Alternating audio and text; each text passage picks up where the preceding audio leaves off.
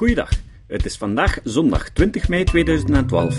Ik ben Jozef van Giel en dit is de 125e aflevering van deze podcast. Deze aflevering kwam tot stand mede dankzij Riek de Laat. De muziek is van Nick Lucassen. Eindelijk zijn de uitslagen van de European Podcast Awards van 2011 bekend. Met de podcast Kritisch Denken waren we genomineerd voor Nederland in de categorie Personality. De winnaar van die categorie is de podcast Hoorgeschiedenis van Feiko Houweling. En terecht.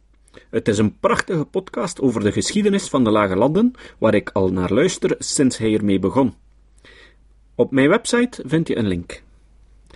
En de tweede plaats was voor Kritisch Denken. Van harte bedankt aan iedereen die stemde. De selectie gebeurde door een combinatie van het aantal stemmen en een keuze van een vakjury. En kritisch denken had het hoogste aantal stemmen. Hoe de vakjury te werk ging is niet helemaal duidelijk. Op mijn website kan je een link vinden naar de YouTube-film waar de wedstrijdresultaten worden afgekondigd. Deze categorie passeert rond de zesde minuut.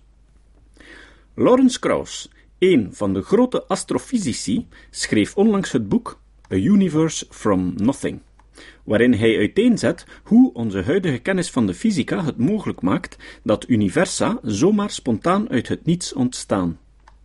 Richard Dawkins schreef het nawoord van dit boek. Rick heeft het voor ons vertaald. Hier komt het. Een universum uit het niets. Niets verruimt de geest zozeer als het uitdijende heelal. De muziek der sferen is een kinderliedje, een deuntje vergeleken met de majestueuze akkoorden van de Symphonia Galactica.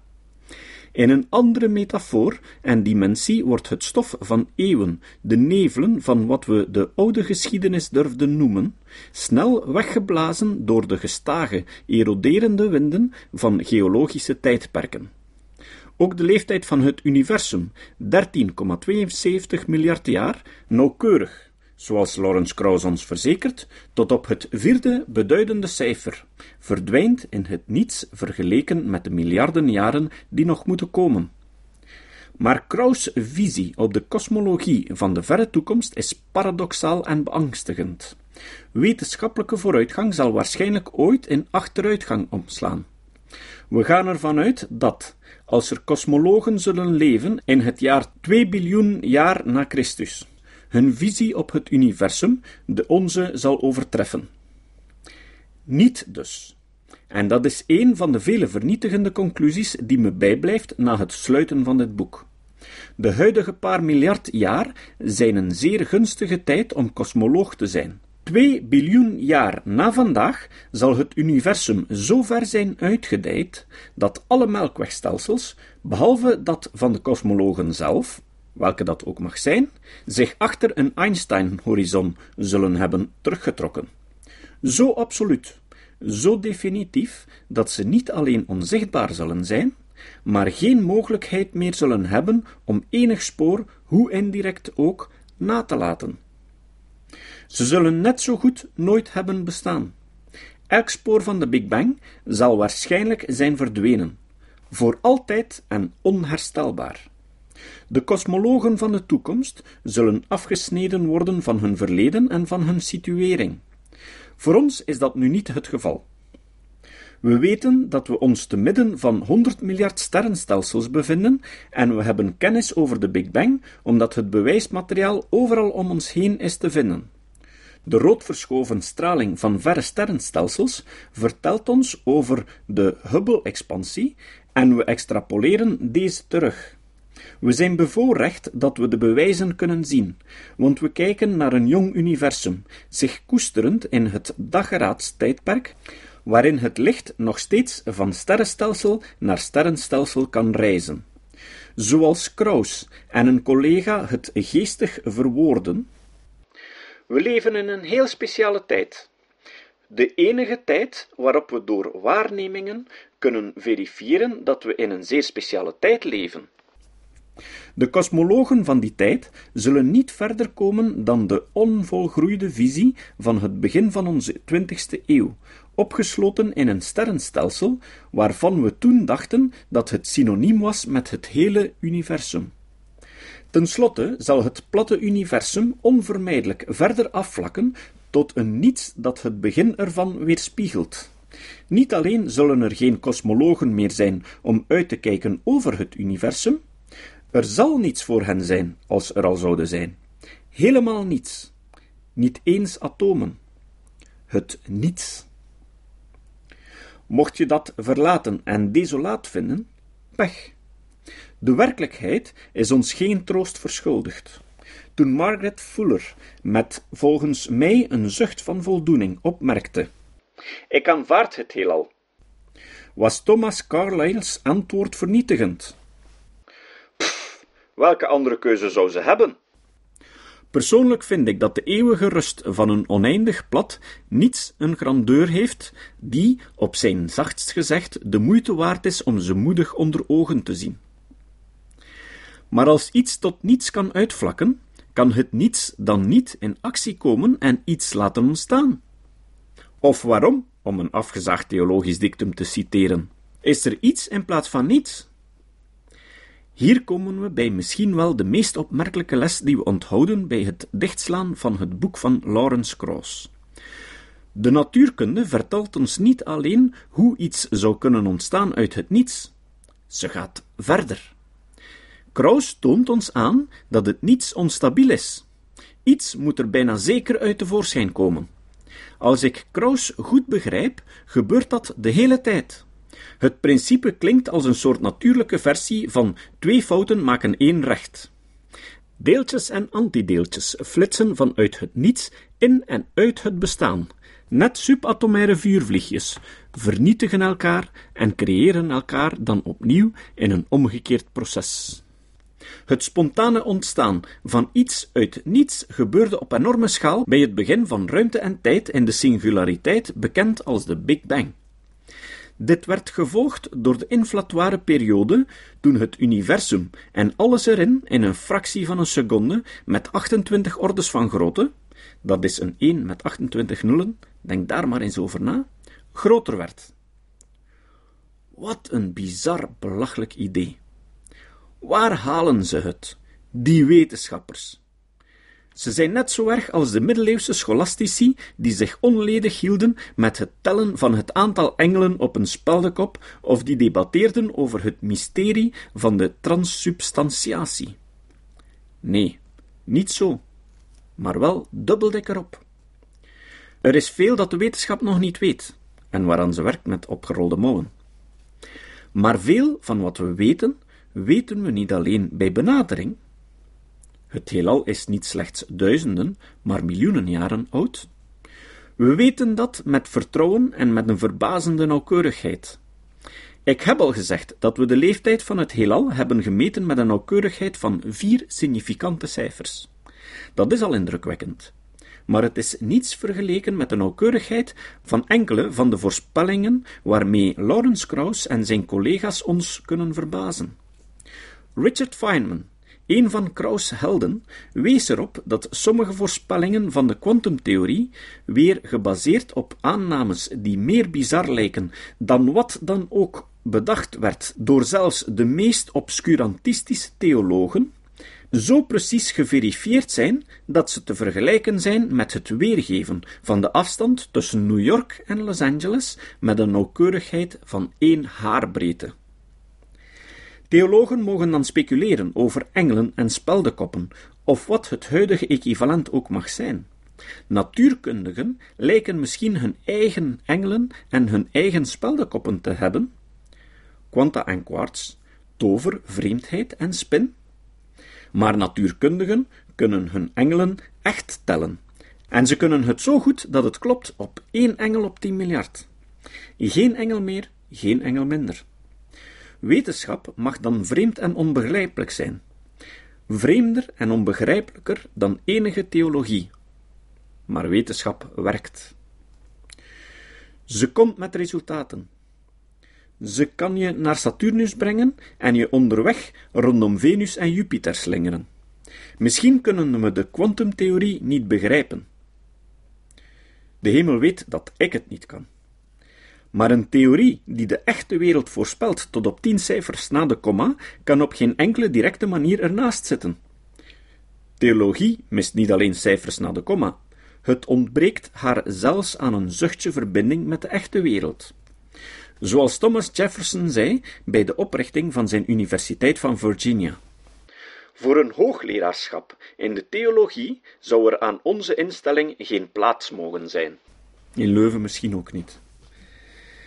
Als je gelovige mensen vraagt waarom ze geloven, vind je wel een paar gesofisticeerde theologen die over God spreken als grond van al het zijnde, of als een metafoor voor interpersoonlijke gemeenschap, of iets dergelijks ontwijkends. Maar de meerderheid van de gelovigen hangen, eerlijker en kwetsbaarder, een versie van het argument van ontwerp of het argument van eerste oorzaak aan. Filosofen van het kaliber van David Hume hoefden niet eens uit de luie stoel te komen om de fatale zwaktes van dat soort argumenten aan te tonen.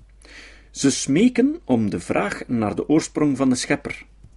Maar het duurde tot Charles Darwin, die in de echte wereld op de HMS Beagle het briljant eenvoudige en niet om de vraag smekende alternatief voor ontwerp ontdekte. Op het gebied van biologie dan toch. Biologie was altijd het favoriete jachtgebied voor de natuurtheologen, totdat Darwin, niet met opzet, want je vond geen vriendelijker en zachtmoediger man, hen ervan wegjoeg. Ze vluchten naar de ijlere velden van de fysica en de oorsprong van het universum, alleen om daar Lawrence Krauss en zijn voorgangers tegen te komen lijken de wetten en constanten van de fysica op een fijn afgestemd maatwerk bedoeld om ons tot leven te roepen? Denk je dat een bewust agent alles in gang moet hebben gezet? Lees Victor Stenger als je niet doorhebt wat er mis is met dergelijke argumenten. Steven Weinberg, Peter Atkins, Martin Rees, Stephen Hawking. En nu kunnen we Lawrence Krauss lezen voor wat voor mij de genadeslag lijkt te zijn zelfs de laatste troef van de theoloog. Waarom is er iets in plaats van niets? Verschrompeld voor je ogen als je deze pagina's leest. Als On the Origin of Species de doodsklap van de biologie was voor het bovennatuurlijke, dan kunnen we een universum uit het niets zien als het equivalent ervan voor de kosmologie. De titel betekent precies wat hij zegt. En wat hij zegt is vernietigend. Als toemaatje de grote geschiedenis van alles door David Christian. Hoe kan complexiteit ontstaan in een universum gedomineerd door de tweede wet van de thermodynamica? Vertaald door Rick de Laat. De originele tekst is een TED-talk. Een link vind je op de website. Als je een videofilm van een roerij ziet waarbij het ei ontroerd wordt, waarbij de dooier en het wit gescheiden worden, weten we dat er iets fout is. We weten allemaal in ons diepste zelf dat dit niet de manier is waarop het universum werkt. Een roerij is brei. Smakelijke brei. Maar het blijft brei. Een ei is een mooi, gesofisticeerd ding dat kan leiden tot nog meer verfijnde dingen, zoals kippen. We weten in ons diepste zelf dat het universum nooit van brei naar complexiteit gaat. In feite komt dit buikgevoel tot uiting in een van de meest fundamentele wetten van de fysica, de tweede wet van de thermodynamica, of de wet van de entropie. Die zegt eigenlijk dat het de algemene tendens van het heelal is om te gaan van orde en structuur naar wanorde, gebrek aan structuur, in feite naar brei. Dat is waarom die video een beetje vreemd aanvoelt. En toch, kijk om je heen. We zien om ons heen onthutsende complexiteit. Erik Breinhocker schat dat in New York City alleen zo'n 10 miljard verschillende producten worden behandeld. Dat is 100 keer zoveel soorten als er op de aarde zijn. Ze worden verhandeld door een soort met bijna 7 miljard individuen. Die zijn met elkaar verbonden door handel, reizen en het internet in een wereldwijd systeem van een verbazingwekkende complexiteit. Het is een groot raadsel. Hoe kan een universum, geregeerd door de tweede wet van de thermodynamica, de soort van complexiteit die ik zojuist heb beschreven, ontstaan? De soort van complexiteit zoals die van jou en van mij en een congrescentrum. Het antwoord lijkt te zijn dat het universum complexiteit kan creëren, maar tegen een prijs. Op bepaalde plaatsen verschijnen wat mijn collega Fred Spier goudlokjesvoorwaarden noemt. Niet te warm, niet te koud. Precies goed voor de creatie van complexiteit. Waar iets complexere dingen verschijnen. En waar je iets complexere zaken hebt, kan je nog iets complexere zaken krijgen. Op deze manier wordt complexiteit stap voor stap opgebouwd. Elke fase lijkt magisch, omdat ze de indruk wekt dat iets volstrekt nieuws bijna uit het niets verschijnt in het universum. Wij noemen deze momenten in de grote geschiedenis drempelmomenten. Bij elke drempel wordt het moeilijker. De ingewikkeldere dingen worden fragieler, kwetsbaarder. De goudlokjesvoorwaarden worden strenger. Het wordt moeilijker om complexiteit te creëren. Nu hebben we als zeer complexe wezens dringend behoefte om te weten hoe het heelal complexiteit creëert, ondanks de tweede wet. En waarom complexiteit te maken heeft met kwetsbaarheid en fragiliteit. Dat verhaal vertellen we in de grote geschiedenis. Maar om dat te doen, moet je iets doen dat op het eerste gezicht volstrekt onmogelijk lijkt. Je moet de hele geschiedenis van het heelal overlopen. Laten we dat even doen. Laten we eens de tijdsbalk zo'n 13,7 miljard jaar terugdraaien naar het begin van de tijd. Om ons heen is er niets. Er is zelfs geen tijd of ruimte. Stel je het donkerste, leegste ding voor dat je kan. En maak dat op een onvoorstelbare manier donkerder en leger. Daar zijn we nu. Dan opeens, bang, verschijnt een heelal, een volledig heelal. We zijn over onze eerste drempel gestapt. Dat universum is klein, kleiner dan een atoom. Het is ongelooflijk heet. Het bevat alles wat je in het universum van vandaag terugvindt. Je kunt je voorstellen dat het uit zijn voegen barst en zich met een ongelooflijke snelheid uitbreidt. In het begin is het vaag, maar al snel gaan verschillende dingen beginnen te verschijnen in die vaagheid. Binnen de eerste seconde valt de energie zelf uit elkaar in afzonderlijke krachten, waaronder elektromagnetische en zwaartekracht. Energie doet nog iets heel magisch. Ze stolt tot materie. Quarks die protonen gaan vormen en leptonen, waaronder elektronen. Dat allemaal in die eerste seconde. Nu gaan we 380.000 jaar vooruit. Dat is twee keer zo lang als er mensen zijn op de planeet. Nu verschijnen de eenvoudige atomen, waterstof en helium. Hier wil ik even pauzeren. Op 380.000 jaar na het ontstaan van het heelal, omdat we eigenlijk heel veel weten over het universum in dit stadium. We weten vooral dat het zeer eenvoudig was. Het bestond uit enorme wolken van waterstof en heliumatomen, zonder verdere structuur. We zijn echt een soort kosmische brei. Maar dat is niet helemaal waar. Recente studies door satellieten zoals de WMAP-satelliet hebben aangetoond dat er kleine verschillen in de achtergrond aanwezig waren.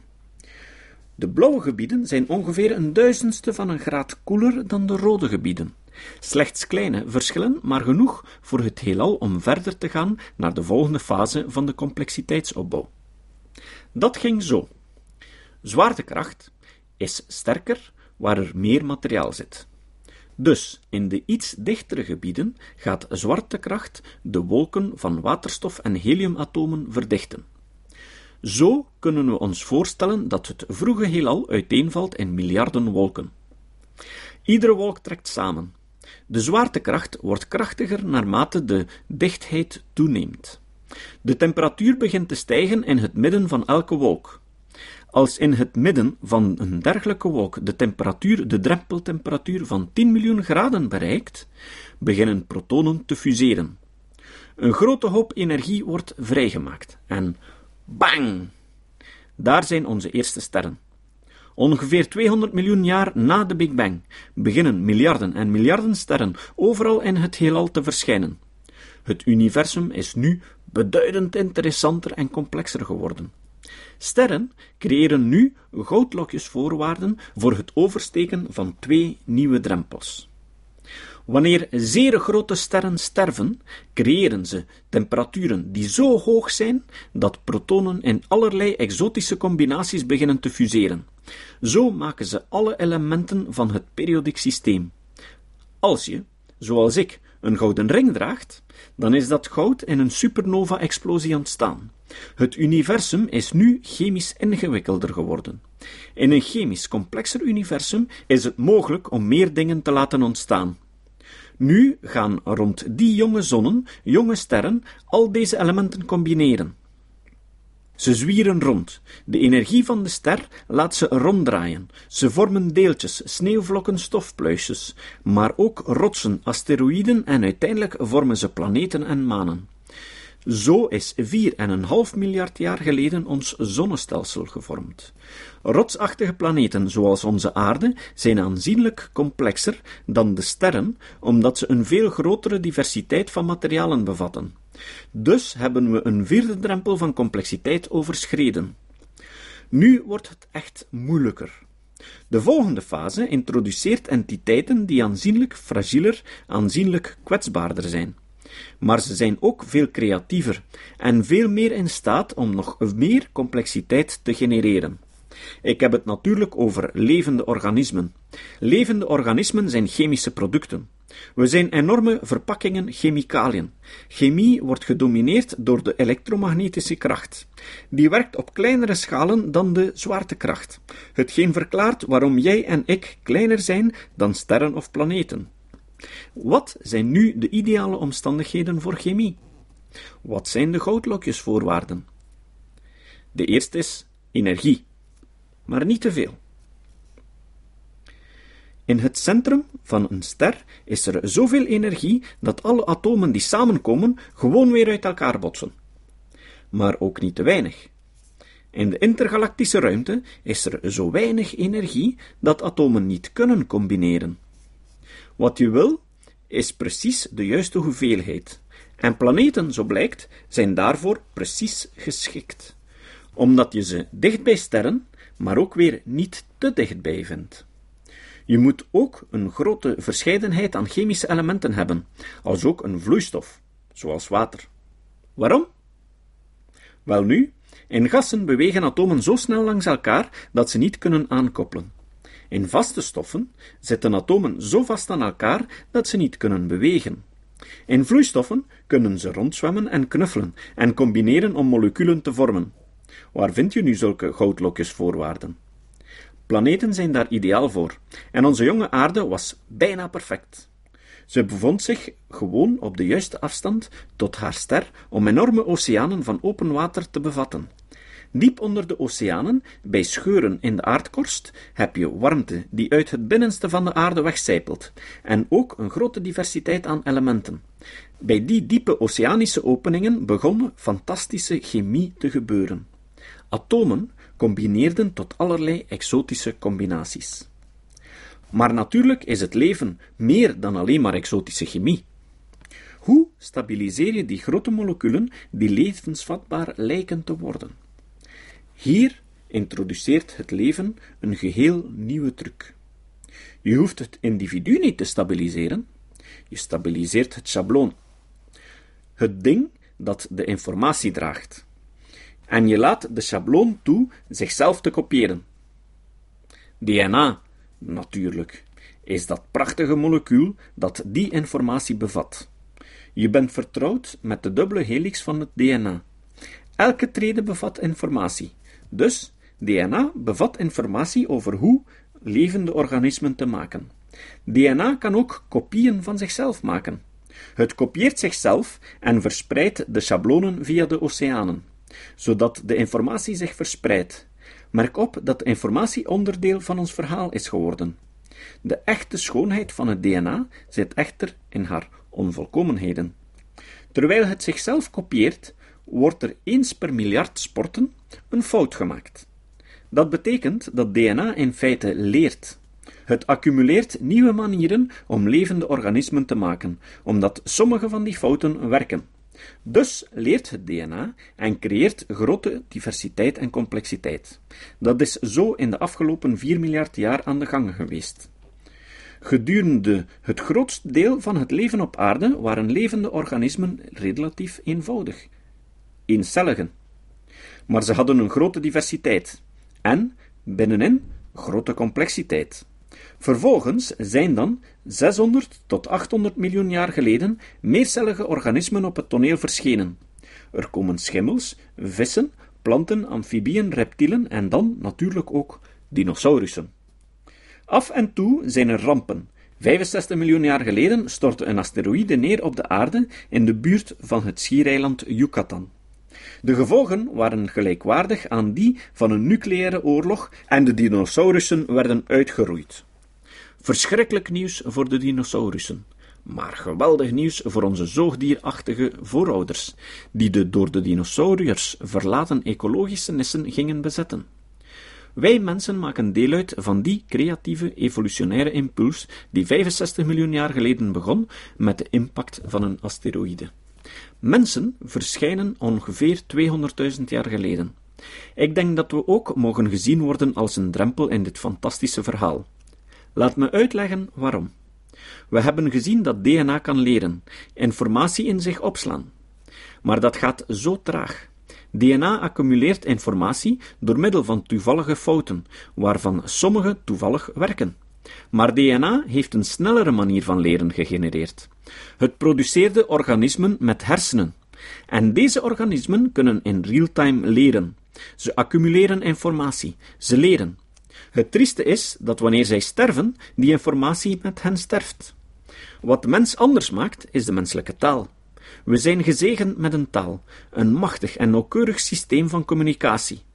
Wat we geleerd hebben, kunnen we zo precies meedelen dat het opgeslagen wordt in het collectieve geheugen.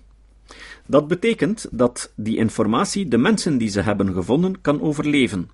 Ze kan generatie na generatie worden opgehoopt.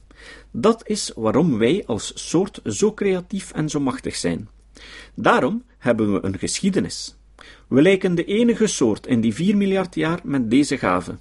Ik noem dit vermogen collectief leren. Het is dat wat ons anders maakt. We zien het aan het werk in de vroegste stadia van de menselijke geschiedenis. We zijn als soort geëvolueerd op de savannes van Afrika. Maar dan zie je mensen migreren naar nieuwere omgevingen, naar woestijnland, naar jungles, in de ijstijd naar de toendras van Siberië, harde, moeilijke omgeving, naar Amerika, Australië. Elke migratie hield leren in. Het leren van nieuwe manieren voor de exploitatie van het milieu, nieuwe manieren van omgaan met hun omgeving. Tienduizend jaar geleden maakte de mens gebruik van een plotselinge verandering in het wereldklimaat op het einde van de laatste ijstijd om te leren boeren. Landbouw bracht energie in overvloed. Door de exploitatie van die energie gingen menselijke populaties zich vermenigvuldigen. Menselijke samenlevingen werden groter, dichter, meer met elkaar verbonden. Ongeveer 500 jaar geleden begonnen mensen wereldwijd contacten te leggen door middel van scheepvaart, treinen, telegraaf, internet, totdat we nu een wereldwijd brein van bijna 7 miljard individuen lijken te vormen. Hersenen leren nu met lichtsnelheid. In de laatste 200 jaar is er nog iets anders gebeurd. We vonden een andere overvloed van energie: de fossiele brandstoffen. Fossiele brandstoffen en collectief leren verklaren de duizelingwekkende complexiteit die we om ons heen zien. Ja, hier zijn we nu terug. We hebben een reis, een retourreis van 13,7 miljard jaar gemaakt. Ik hoop dat u het ermee eens bent dat dit een machtig verhaal is. Het is een verhaal waarin de mens een verrassende en creatieve rol speelt, maar het houdt ook waarschuwingen in. Collectief leren is een krachtig iets. En het is niet duidelijk of wij mensen het in de hand hebben. Ik herinner me heel levendig hoe ik in Engeland als kind de Cubaanse rakettencrisis heb ervaren.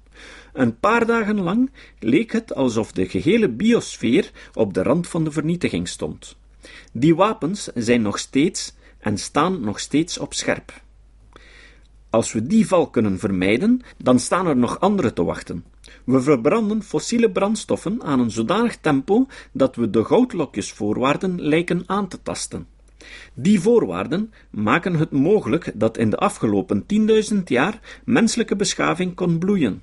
De grote geschiedenis kan ons de aard van deze complexiteit en kwetsbaarheid met de gevaren waar we voor staan laten inzien. Maar ze kan ons ook bewust maken van onze macht tot collectief leren. Uiteindelijk is dit wat ik wil. Ik wil dat onze kleinkinderen, hun vrienden en hun generaties over de hele wereld het hele verhaal van de grote geschiedenis leren kennen. En het zo goed leren kennen dat ze zowel de uitdagingen waarmee wij geconfronteerd worden, als mogelijkheden die wij hebben, gaan begrijpen. Het is waarom een groep van ons bezig is een gratis online syllabus op te stellen voor middelbare scholieren over de hele wereld van de grote geschiedenis. Wij geloven dat die grote geschiedenis voor Daniel en zijn generatie een vitaal intellectueel instrument zal zijn, als ze oog in oog komen te staan met de enorme uitdagingen en ook de enorme mogelijkheden op dit drempelmoment in de geschiedenis van onze prachtige planeet. Het citaat. Het citaat van vandaag komt van Theodosius Dobzhansky. Dobzhansky was een Oekraïens geneticus en evolutionaire bioloog, die later naar Amerika verhuisde en er nationaliseerde. Hij voerde belangrijk werk uit op het gebied van de genetische basis van evolutie. Dobzhansky zei: In de biologie is niets betekenisvol, behalve in het licht van evolutie. Tot de volgende keer. Dit was de podcast Kritisch Denken. Vergeet niet om alles kritisch te behandelen, ook deze podcast. Voor verdere informatie over deze podcast, links en voor de tekst, surf naar www.kritischdenken.info. Als je deze podcast belangrijk vindt, kun je me steunen door anderen warm te maken ook eens te luisteren. Stuur een e-mail naar vrienden met een link naar de website en plaats de link in de handtekening van je e-mails. Tevens kun je op iTunes deze podcast een beoordeling geven of een recensie schrijven. Of je kan op je eigen website of blog een link naar kritisch denken plaatsen.